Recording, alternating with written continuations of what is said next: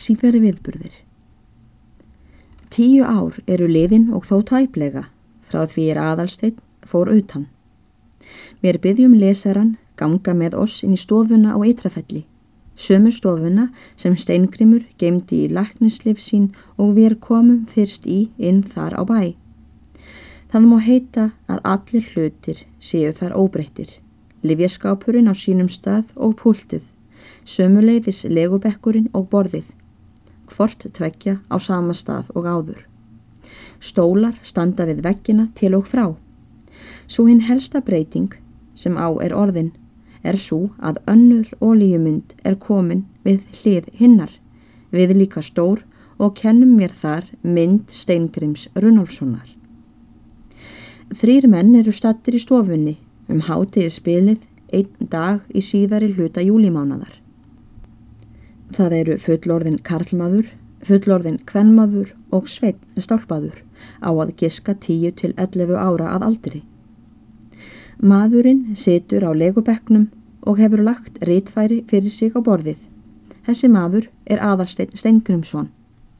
Hann hefur nú fullan vöxt og þroska.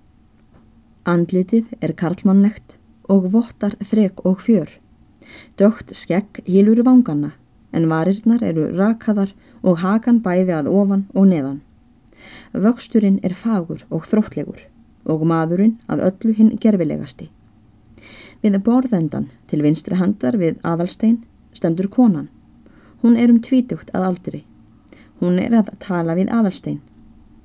Sá er virðir fyrir sér konu þessa, þar sem hún stendur þarna við borðið og talar og aðtugar bæði vöxt hennar og yfirlitt mun hljóta að játa að þar sjáu hann fyrirmynd kvenlegrar fegurðar. Vöxturinn er beinn og svo algjörlega samsvarandi að eigi er hægt að hugsa sér nokkurt fyrirtaka fullkomnara, limirnir fagurlagaðir og hendurnar algjörst meisturarverk og svo kvítar sem nýfallin mjöll. Heið glóbjarta, töfvarandi hár, liggur í flettum en fletturnar í likjum niður á bakið og hverfa endarnir upp undir húfufeitina. Þessar indælu hárleikjur, líkar sólróðinu vallarblómkerfi, taka henni niður að mitti. Andlitið er óviðjafnanlegt og ber svip af giðjumyndi grískuri. Veldur því hinn ávala undur fagra lögun. Þrátt fyrir háraleitin eru augabrýrnar í dökvar og liggja fagurlega bógadregnar yfir bláum augum en augun eru stór og hrein sem híminstjörnur jafn andrygg sem þau eru ástblíð. Ennið er fagurumyndað og harla kvenlegt, nefið bratt, kinnarnar rjóðar, munnurinn lítill og varirnar töfrandi, hakan fríð og hvít. Engin mistari hefur haft fyrir sér slíka fyrirmynd fegurðarinnar. Þessi kona er Anna Gunnarsdóttir frá Neðstabæi, gift aðalsteini rúmlega fyrir ári síðan. Yfirbræð hennar og vöxtur barsins bendir til að hún sé þegar orðin af móðir. Hjá konunni stendur hinn ungi sveitn, henni svipaður á hárulitt og í andlitsfalli og mjög fríður sínum. Það er Þorgrymur Gunnarsson frá Næðstabæ. Já, elskan mín, skrifaðu nú rækilega. Það er mál komið að mamma fái að frétta hérðan. Mælti hinn unga kona með reymskjari rött í framhaldi þess samtals er byrjað var millir hjónanna. Jú minn kæra, ég ætla nú að gjöra það, svaraði aðalsteitt konu sinni. En ég þarf að skrifa henni um svo margt fleira, er snertir fyrir tímana eftir því sem ég lofaði henni í fyrra. Því ég hef, eins og þú veist, aldrei getað talað við hana í næði, síðan ég kom úr siglingunni. Það er margt sem henni þætti fróðlegt að frétta, ættinni viðkomandi en það heyrði ég það á henni í fyrra.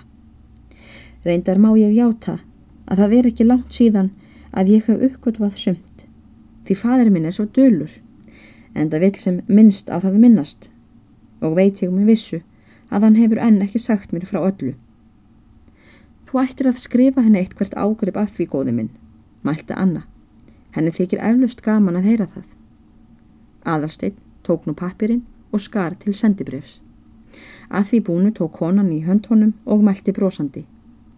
Ég ætla nú að fara frá þér á meðan þú skrifar, en það býst ég við að hún dóttir þín fari bráðum að þurfa mín við. Æ, það var leiðinlegt, segir hann. Ég held þú myndir sitja hérna hjá mér á meðan ég skrifa brefið. Nei, það hjálpar nú ekki að koma þér upp á allt, góði vinn, sagði konan til mannsins með þess háttar töfrandi glettu svip er gefur til kynna að húsfreyjan ætli sér að verða kona fyrir sínum dyrum. Aðalsteinn horfið á hanna með ástfungnum augum. Að svo mæltu gekk hún fram að hurðinni. En ef hún var fögur og tignarleg þá er hún stóð kyrr, þá var hún það ekki síður þegar hún hreyði sig. Svo yfirtaks kvenlegur, léttur og fagur var limaburður hennar. Aðalsteinn leit og eftir henni í því hún gekk er hún snýri sér við í dýrunum og kvöttust þau álengdar með ástóðlegu brosi. Síðan let hún hurðina aftur og tók litla bróður sinn með sér út á stofunni. Aðalsteinn tók nú að rita og hljóðaði bref hans þannig. Elskulega tengdamóðri mín, þú manst eftir hver flýtir var á mér í fyrra þegar ég var að kvongast dóttur þinni. Ég kom því ekki við að dvelja lengur um kirtja þér þá en tvo daga og gæt lítið sem ekkert við þig talað. Ölluð við ástafurnar á hofi um þær mundir eins og þú manst sótt og dauði Þorgrims föðurbróður míns, er gjörði návist mína þar nöðsynlega. En það sé ég ekki eftir því að ég varði þeim dögum þannig, þó að þeir ættu að verða gleði dagar mínir. Því að það sýr Þorgrimu sálugi átti meira skilið af mér. Ég vakti hjá honum síðustu nætulnar og þóttist heppilega komin austur til að geta gjört það. Síðan, er hann var andaður, var ekki um annan að gera en mig til að standa fyrir útförunni. Tilfinningar mínar voru því blandnar um það leiti, blandnar sorg og gleði, en þú gerðir gleði mína svo fullkomna sem best um áttir. Ég héttir þá, svo sem til þess að bæta nokkuð úr minni skömmu viðdvöl, að ég skildi skrifa þér rækilega hér vestanað áður langt um liði. Nú hef ég skrifað þér brefmiða tvívegis, annan þegar eftir heimkomuna til að láta þig vita að ferðin gekk okkur vel og náðum hingað heilu og höldnu. Littli Þorgrymur var reyndarfarin að þreytast af reyðinni sem von var en hann varð brátt af lúa og hefur verið hinn brattasti síðan. Hinn seðilinn skrifaði ég í vetur í mesta flíti og kom honum á mann sem ætlaði söður til rángarvallasíslu. Vona ég að þú hafið fengið bæði bref þessi með skilum. Ég hef nú ekki skrifað þér síðan með fram að því að ég hef verið að hingra eftir nýjum viðburði til þess að geta sagt þér sem mest í fréttum og nú get ég líka sagt þér mikil og góð tíðindi hérðan því konan mín er orðin léttari fyrir tæpu mánuði og ól hún dóttur sem er lifandi eftirmynd móðurinnar og þín og engil í mannsmynd með gullbjart hár og dökkblá augu. Meira ætla ég ekki að segja þér að því. Þegar að skýrninu kom og ræða var um nafnið fór samlindi foreldrana út um túfur eins og þú mátt næri geta en sáttinn hljóðaði þannig Anna Sigurbjörg og óska ég einskis framar en að Anna Sigurbjörg líkist nöfnum sínum báðum sem best Konunni minni helsast vel síðan og er komin á fætur fyrir rúmum hálfu mánuði hún er lífið og indið á heimilinu og aldrei elskulegur en nú síðan hún varð móðir Mikið á ég þér að þakka, Sigurbjörg, og satt sagði móður mín sáluga í draumunum, en það skal ég reyna að verða við tilmælum hennar. Hversu seint skildi ég þá vitrun, Sigurbjörg? En ég skil hana nú.